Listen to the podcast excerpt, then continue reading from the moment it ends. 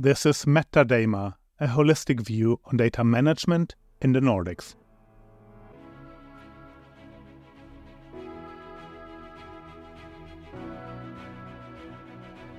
Welcome. My name is Winfried, and thanks for joining me for this episode of MetaDAMA. Our vision is to promote data management as a profession in the Nordics, show the competencies that we have, and that is the reason I invite Nordic experts in data and information management for a talk. Welcome to today's episode of MetaDAMA. And I'm really excited for this one because I finally have someone from Iceland again on the show. Um, this is the second person from Iceland, and she is the Chief Data Officer of the city of Reykjavik. Uh, welcome, Inga. Thank you so much. So, we have a really interesting topic today to talk about. We talk about, and this is a mouthful, so innovation of diversity and inclusion through the role of the chief data officer. So we're going to talk a bit about the role of chief data officer, try to get an understanding of what the role is about, why it is important, and then we're going to talk about the initiatives that the city of Reykjavik is doing uh, with data, and finally concluding it with diversity and inclusion, which is our main topic for today. So as a quick intro to the topic and I feel like it's a bit of Spider Man, Peter Parker. With great power comes great responsibility. Data has become a driving force for many parts of our lives. And this becomes really clear in, in social settings where data can dictate how we utilize public services, like in the city of Reykjavik. And Inga is with us today to talk about how they are, as chief data officer, in the driving seat for innovating public services through data. With that comes also the importance of data ethics and the social responsibility that is eminent. So, how can we take this responsibility, especially as CDOs, and use data to help people or even build a better society? So, welcome, Inga, and please introduce yourself. Thank you. That's a great question. To this date, the common narrative around data is that it's really complex and often hard to understand leaving us with the feeling that it can and should only be exploited by experts. But we at the City of Reykjavik want to change this narrative. We want to show people that data is for everyone and everyone should be able and have an equal chance to use data to make data driven decisions, whether it is in relation to their profession or in their private lives. Uh, our approach is that we want to take the responsibility away from the user so that the user shouldn't have to be an expert in data or a specific field in order to understand the data being present, presented to them. We are therefore focusing on user-centric approach when it comes to presenting data. We are focusing on delivering data in the form of data stories written in simple text, supported visually by pictures and graphs, and specifically designed with the digital accessibility in mind. By designing data visualization with multiple accessibility requirements in mind, we are, simplify, we are simplifying our visualizations and making them more relatable to all. We are creating our own visualization components for graphs where we, for example, take into account the screen reader ability. By designing our own components, we can coordinate the visual representation of the city's data across multiple platforms. And we are doing this because the data and digital accessibility supports social inclusion for all people, independent to their age, sex, ethnicity, or social status. And I especially believe that in the public sector, data is highly valuable societal asset, and it is in our responsibility to make as much of the city's data open and accessible to our citizens and employees as possible. It is our belief that by making data accessible, the city will become more transparent and accountable to the people that we serve. And by encouraging available, available and shareable data, the city provides the opportunity to drive innovation and encourage people to create innovative ways to tackle new and existing problems and drive innovative citizen centric services. Uh, this also has, has the potential to increase efficiency and effectiveness within the city's operations and services. And I could go on and on and on. This is fantastic. And there's so much happening. And um, this is exactly why I wanted to talk to you. But before we deep dive into the topics, tell us a bit more about who you are and how you got um, to, to the state where you are at now in your career as Chief Data Officer for the City of Reykjavik. Yeah, my name is Rós. I am a mother of three wonderful children. And how I came to this position is kind of like it, it just kind of happened by accident. I did my engineering studies both here in Iceland, where I I took my bachelor's degree in operational engineering, and then I moved to Denmark, where I did my master's degree in uh, product development and innovation engineering. And so I was never like focused on data or, or data specific jobs or anything like that. But being a foreigner in Denmark, it was kind of hard getting a job after I graduated. And in the end, I landed a job at L'Oreal in Copenhagen uh, as a master data expert. Um, I don't know why I, I, applied for this job initially because I had never heard of master data experts before. And I had no idea what they did. so I had to do some research before I applied for the job. But I landed that job, and I there I kind of found, found my passion for data and realized how important data is and um, all the possibilities that we can introduce to like better societies, driving better innovation and and stuff like that. Um, and that's how I somehow, yeah, came into the world of data. But in my earlier years, I was a gymnast. I was a part of the Icelandic national team for over 10 years in artistic gymnastics.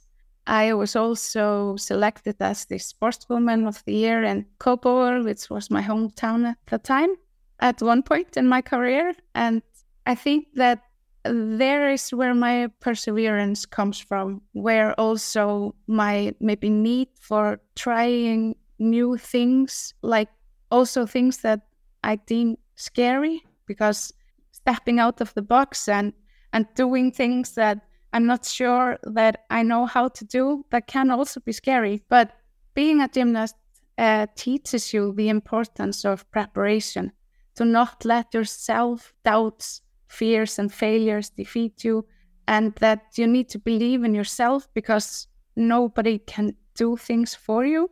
And I think that that's one of the biggest takeaways I can take away from my uh, gymnastics career. And that is also why, at the point that I did, I, I was uh, an independent contractor working on um, big projects for some of my clients when uh, the the this status the the chief data officer opened up.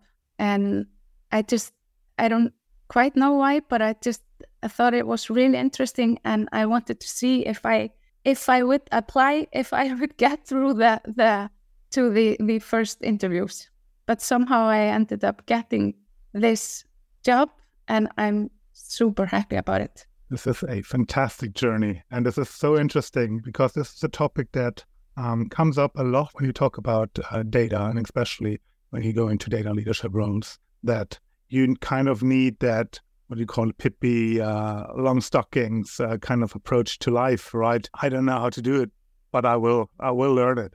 And um, I think you need that because nothing is written in stone yet, um, especially not in data, since it's still a a young profession. So we need people like you who just jump into it and, and make the best out of it. And what is also really important is, and we talked about this in the podcast a couple times before, is that there is a need to get other disciplines involved in data, get experience from other disciplines, like your experience on engineering is really important to make data and um, the data profession better. Yeah, I totally agree. Um, it comes into the the topic of diversity, for example. You need diversity when you're working with data, when you're planning your your data journey and everything that you want to do with data because most of the time a single person or a single mindset isn't the most capable of seeing all the potentials not just all the potential, but also all the hurdles. And um, this is something that we're going to talk a bit more about um, later on when we talk about your approach to diversity and inclusion. But before that, let's talk a bit more about your role as a chief data officer. A chief data officer is still a young role and it's an evolving role in the data space. There have been and there are a lot of different roles and approaches to how to organize your data organization. And I think a couple years back, if you think 10 years back, we had a, a chief uh, mobile application officer, right? Someone responsible for mobile applications. We don't need that role anymore. Um, now we're talking about chief analytics officer. We talk about chief algorithm officer. We talk about classic roles like the chief information officer or the chief technology officer that certainly have a stake in the game when it comes to data.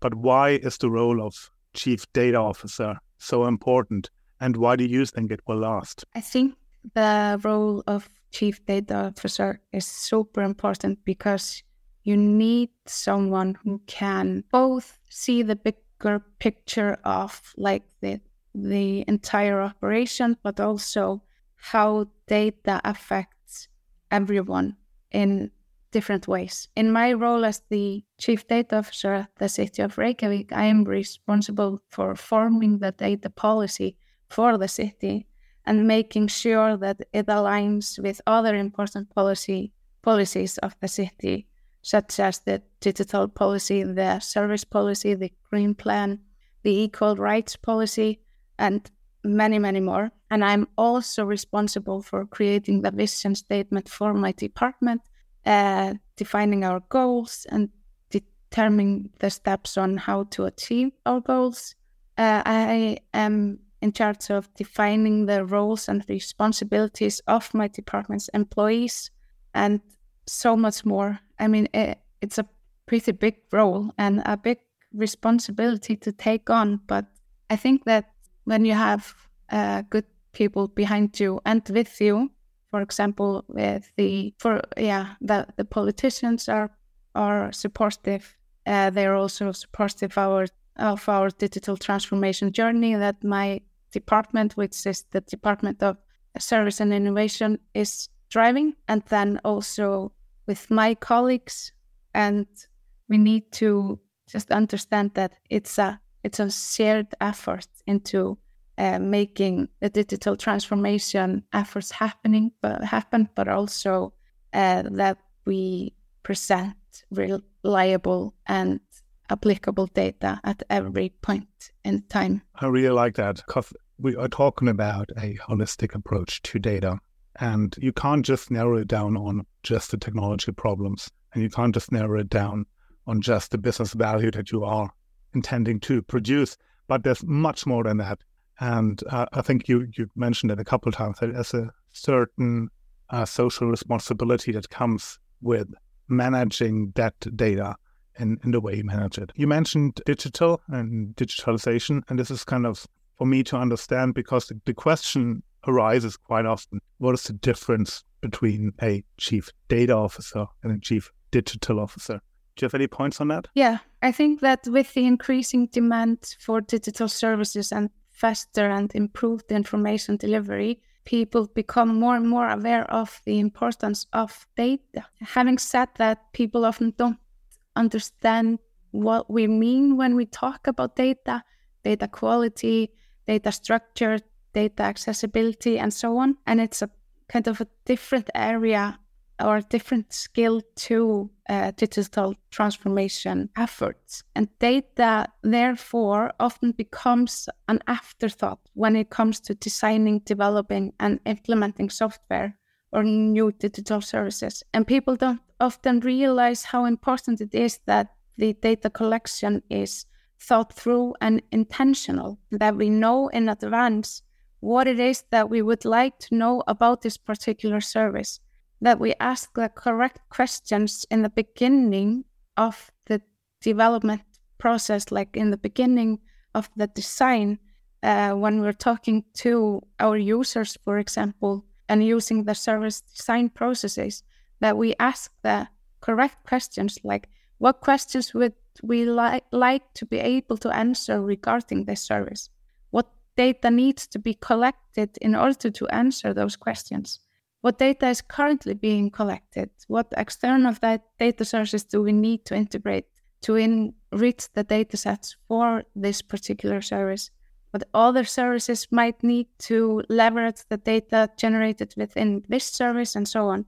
Uh, we also have to know how we can access the data within our systems, that it's made clear who is the owner of the data, and especially when it comes to third party vendors and so on. And there is kind of the difference between, I believe, the data officer and the digital officer, because we both have the same end goal, but the approach is different, and we both need to come together collectively to make the best services uh, applicable to our users at, at every time. And I think, especially now with the fast development in generative AI, for example, and how easy it is for individuals to access and use this technology, that people gain clearer and better understanding on what data is how it can be used both to enhance your life, but also that people become aware of the dangers of feeding AI softwares, for example, with sensitive personal data, pictures of themselves or others, and so on. Yeah, now you're into a, a really um, important part of what I think is the role of this chief data officer. And it is also to have a role on being an advocate for data, not just in your department, or organization, but beyond. And you have done a lot of work to be present in the public debate in Iceland, writing articles, being on the radio show, and much more. How interested are people in the topic data? I think they're becoming increasingly more and more interested in the topic of data, especially with the increasing demand for digital services. People like expect today that they can just access the information they need at the time, time they need from the comfort of their own home, for example. And this is the reason for why I have been sort of campaigning and trying to create the awareness of the importance of data, but also like what is the difference between data and information? When does data become valuable information or sensitive information? and how and when it can be used. Because I think with the increasing knowledge of the potentials of data, but the importance of data collection and that we ask the correct questions in the beginning, uh, we also ensure the data quality as a as a unit. Yeah, definitely agree. And um, I don't want to go into uh, the entire topic of data quality, but um, the earlier in the life cycle you can ensure data quality, the better. First, let's talk a bit about your your setup and uh, what initiatives you have started in um, in the city of Reykjavik. And we talked a bit about that already at the beginning, uh, and you mentioned a couple of those. And I just want to dive a bit into those. I think we talked about the data stories. Um, maybe you can explain what, what those are. Our main goal is that we want to increase data literacy and we also want to promote the idea that data is a valuable societal asset where we all have the shared responsibility to ensure data quality so that data can be used to provide, for example, better services and to ensure equality and inclusion and initially make people's lives better. Our goal is to make data accessible and comprehensible to all, and everyone should be able to access reliable, applicable, and correct data at the time they need in order to make data driven decisions. In that sense, uh, we are building, for example, the, the data buffet you just talked about. And the data buffet is an open data visualization platform uh, and an open data portal where we are trying to make as much of the city's data easily accessible and usable because we believe that access to a wide variety of correct and reliable data will act as an enabler for innovation in societal services.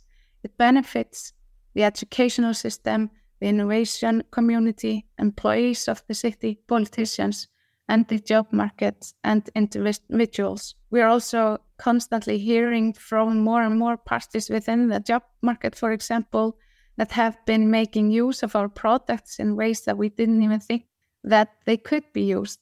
Um, we heard, for example, from a primary school teacher who was super excited about the data buffet because they saw it as a teaching opportunity to teach kids to read information based of graphs and how it could be described in text, for example? It is a fantastic initiative. And I think there are, there are two things that come together here, right? This is A, making data available uh, for everyone, and B, also making it available in a way that can read it, understand it, and use it as a valuable asset. And then we are right into the data stories, right? There has been some discussions also on this podcast about, well, if we talk about data literacy um, in general and in society, we also need to ensure that we can actually provide educational material and provide data in a way that it is understandable and it is readable, can use it. A bit of the discussion was that so if we have a data literacy program set up in like an organization or a company,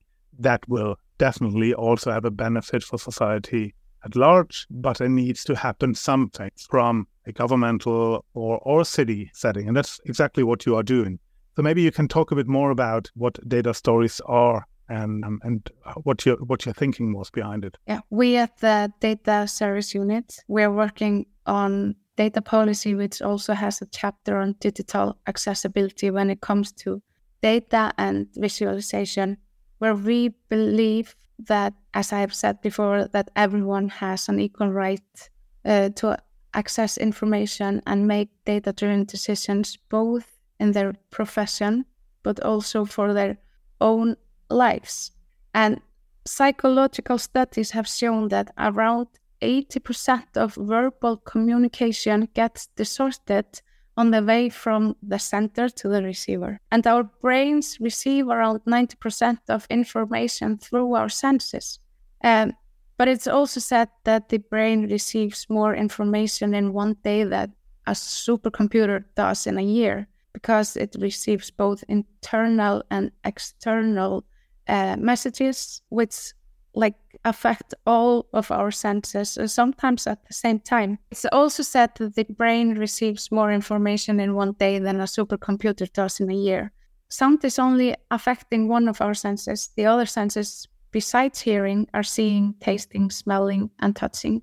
So, the more senses we can enlighten while presenting information, we're more likely that the message that we want to come across will be received by the receiver like we intended to. Um, and that is why we are so focused on how we present data through data visualization, where we use most appropriate color, color schemes suitable for colorblind people. We present data through simple and informing texts in the form of data stories and supported by graphs, which can be uh, read by a screen reader, for example, for the visible impaired or people who can't read, but then making sure that the screen reader reads it in the same way as we would do those of us who can actually see. And this is all evident in the data buffet.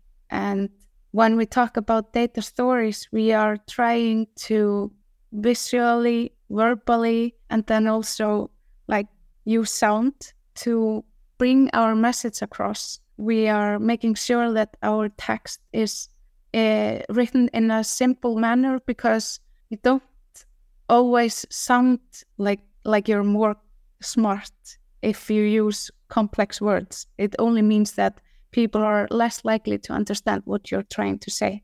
And by simplifying our wording, by simplifying our data visualization, and bringing it all together in a data story where people can access information about the city, uh, whether it is just because they are interested in knowing how many people are at the swimming pools to, uh, at this time or if they want to know something about the financial status of the city, we're trying to make uh, the data as understandable and less likely to be misinterpreted as possible.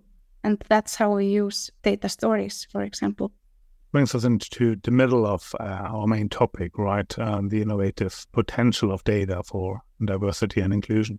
And these are fantastic examples of uh, making data available for everyone. Before we dive a bit deeper into this, I just wanted to get your your definition on on innovation and what um, what value creation means to you, um, especially in this context. Yeah, for me, innovation is taking something that has been done in a specific way for for maybe years or decades and doing it in a different way where uh, we like reduce waste through the process. So whether it is by being more efficient, uh, we reduce time waste, or we yeah get like clearer understanding of what we're doing and why, while we also provide uh, through that provide ex- extra value to our employees and or our citizens. So like simplifying processes, simplifying wording, simplifying how we present our information and data, gaining clearer and more common understanding of what we're doing, asking the questions why are we doing things this way, and not be afraid to um, try different things to solve newer or existing problems. I really like that because it really fits well with what we already talked about and how you use that innovative potential of data um, for diversity and inclusion. I want to not dive deep into it, but just get a sense of um, what your technical setup is um, on, on a high level. Yeah. Uh, our infrastructure is set up in the Azure cloud, but the technical setup for the city is kind of a hybrid setup environment where we, uh, yeah, where some of our systems are on prem and other services are in the cloud. But all new software development is happening within the cloud environment. We are building our data pipelines in our Azure environment. We are using an open source software where we use Python as our main development la- language for our uh, pipelines. And then for developing our data models, we use R. Probably a lot of people have that question and are are in kind of the same situation as you are on the open source part right? Um, the possibilities are large with open source, but there comes with a certain risk. How do you how do you manage that? How do you use open source, and why did you make the decision of going open source? Mostly because the purchasing process and purchasing rules within the city are really strict, and you have to go through a lot of different hurdles in order to buy like just if you want to buy a software and it often takes such a long time that it, it's almost that the software is out of date when you actually get the the acceptance of buying it. So, but if you go open source, I'm not saying that it's the best way to go every time, but in this case, uh, we were much quicker to be able to start developing the data pipelines, which were highly needed but not present at the time. Uh, we could also more adjust it to the way that to our architecture and the way that we wanted to use the pipelines. And also we have then um, more access to like the community of people who are also using the same open source software so we can ask questions and seek guidance uh, without maybe having to go through like a contractor or yeah pay big amounts for it. Yeah, and I think these are the main main points that uh, I also see that there's a, a time issue and there's a cost issue uh, connected to not going open source. And if you can balance those with the inherent risks that you have with open source, I mean, they, they are there, then I think you are not on the right track. But I think you need to have a an open eye and, and, and know what you're doing. And it sounds like you are. You are on a really good track. Yeah, I hope so. At least we are aware of the dangers as well as the comfort of going on this route. There, there are two two more things. Um, you already mentioned those, and uh, but I do like to talk a bit more about those. And one of those was the data visualization uh, library, where you try to make um, information more accessible, more readable for everyone. And you talked about you created your own component. Can you tell us a bit more about how those components are set up and why you couldn't find anything out of the box and, and decided to build your own component? Yeah, we mostly went into uh, developing our own components uh, or codes for graphs because we couldn't quite find anything out of the box that met that digital accessibility requirements. We also wanted to ensure a consistent appearance across multiple platforms when it comes to presenting the data of the city of Reykjavik. And also that it was applicable for the screen reader to be able to read through our graphs in the same way as we do when when we can actually see the graph. And we couldn't quite uh, find anything out of the box that like checked all of our boxes we also have that design platform called hanna and there we we could implement our components into our design platform, uh, making it more accessible to both developers but also uh, employees within the city who want to uh, display graphs. Great, thank you so much. And I, I thought there were two. And the other thing that I wondered about, and you you said it in one of your interviews that language is really important and you try to incorporate as much as possible of Icelandic language. Don't have anything in English, um, really. Why do you think that is important? Language is super important, especially the terminology we use. Terminology we use today within our workplace, uh, there's often a different meaning behind the same term depending on who it is that is using that term. And that creates some breach in uh, understanding. And we also need to make sure that the terms used in ser- services directly pointed at our citizens are the same that we use between each other within our workplace, uh, whether it is the service provider that is using the term, the service receiver, or our, our digital systems who enable the service. It also is important in regards to, to the data collection how we structure the data and then how we can utilize the data to like do our analysis and to get the correct picture of our services, who we are serving, uh, how we are doing, and yeah, things like that. Uh, exactly, and um, the discussion is not just an Icelandic one. I think we have the same discussion in Norway and and Germany, for that matter, because a lot of the um, lingo that is used in data is English, and there is always a pros and cons of translating that lingo to to your mother tongue. It's more inclusive, definitely, to have that in the in the language that you speak. Um, but it could also change the meaning um, of the terms. So it has to be done w- with care. Yeah, I I totally agree. It has to be done with care, but also we have to know why it's important. It's not only important in clarity when we're providing services or, or talking directly to our citizens, but also when it comes to making use of our data. And it, in that sense, we're uh, developing business glossary because also within within our field, experts working in technical fields and specialists in various fields, as well as our service users all have different needs for data and they utilize it in various ways. And when different terms are being used for the same data entry, which creates increased complexity in information flow and data utilization for the city, and it also increases the risk of bad data or that we give worse answers or make, yeah, bad decisions really warming for my data governance heart uh, to talk about uh, a passionate speech about uh, data glossary. Really enjoy that. A last question from my side, um, because I think this is a bit more high level, but how can we ensure that, and we, we talked a bit about uh, the in, inherent risk of data as well.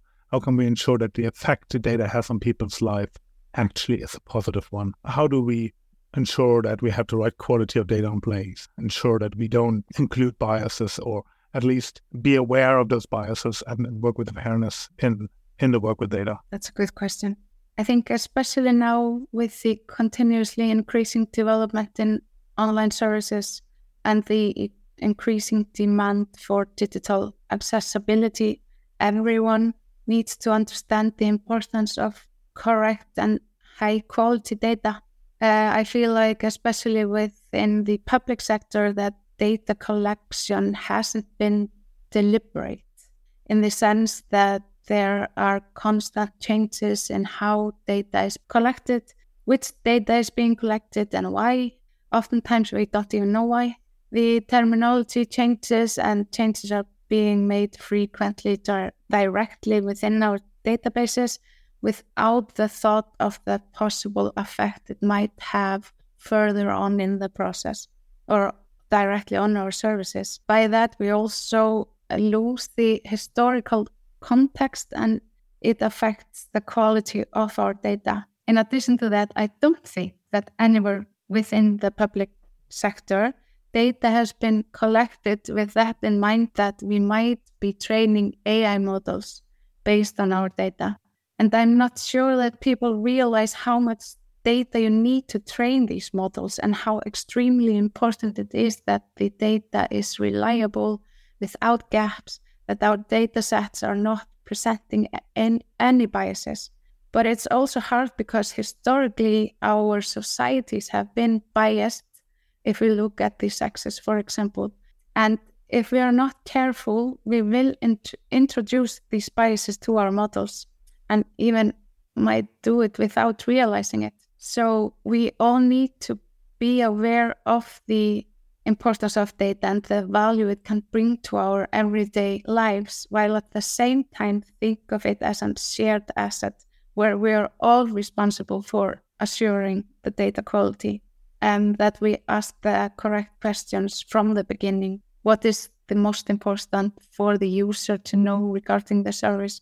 Which question do we need to be able to answer? What's the most important data for our operation? Which questions would we like to be able to answer regarding that? How is the data being collected? Why is the data being collected? How is the data being used? Who can access the data? And so on. And when working in a targeted manner towards data utilization, the possibilities are endless. We can, for example, assess the social status of people within marginalized, marginalized groups. Uh, we can shed a light on the status of gender and or marginalized groups within the city, which then allows us to better monitor the impact of certain actions within the city system on these groups. We can bring attention to whether certain services meet the needs of specific groups equally to others. For example, we make better and more informed decisions and take counteractions earlier. And we can also, for example, evaluate investment investment needs and likely return on investment for the city uh, and make more accurate financial plans, which makes the use of public funding even more efficient. And all of this should have the, the goal and should result in uh, making the lives of our citizens better. What a fantastic answer. Thank you so much. And I think just to highlight this, since we talked about, we talked little about AI um, on purpose, but um, you, you said it quite clearly. Our large language models have a huge potential for value creation, but they can also become an exponential accelerator for problems within your data. Um, and I think this is important to keep in mind. Thank you for a fantastic conversation. At the end of it, do you have any key takeaways or even a call to action you want to share with us? You need to think about how you present your data and data visualization. Don't expect everyone to understand what you're trying to say and don't expect people to be an expert in the field that they need to get more familiar with or need to be able to make decisions uh, regards or something like that. We always need to make sure that simple is better. I, I love that. Thank you so much.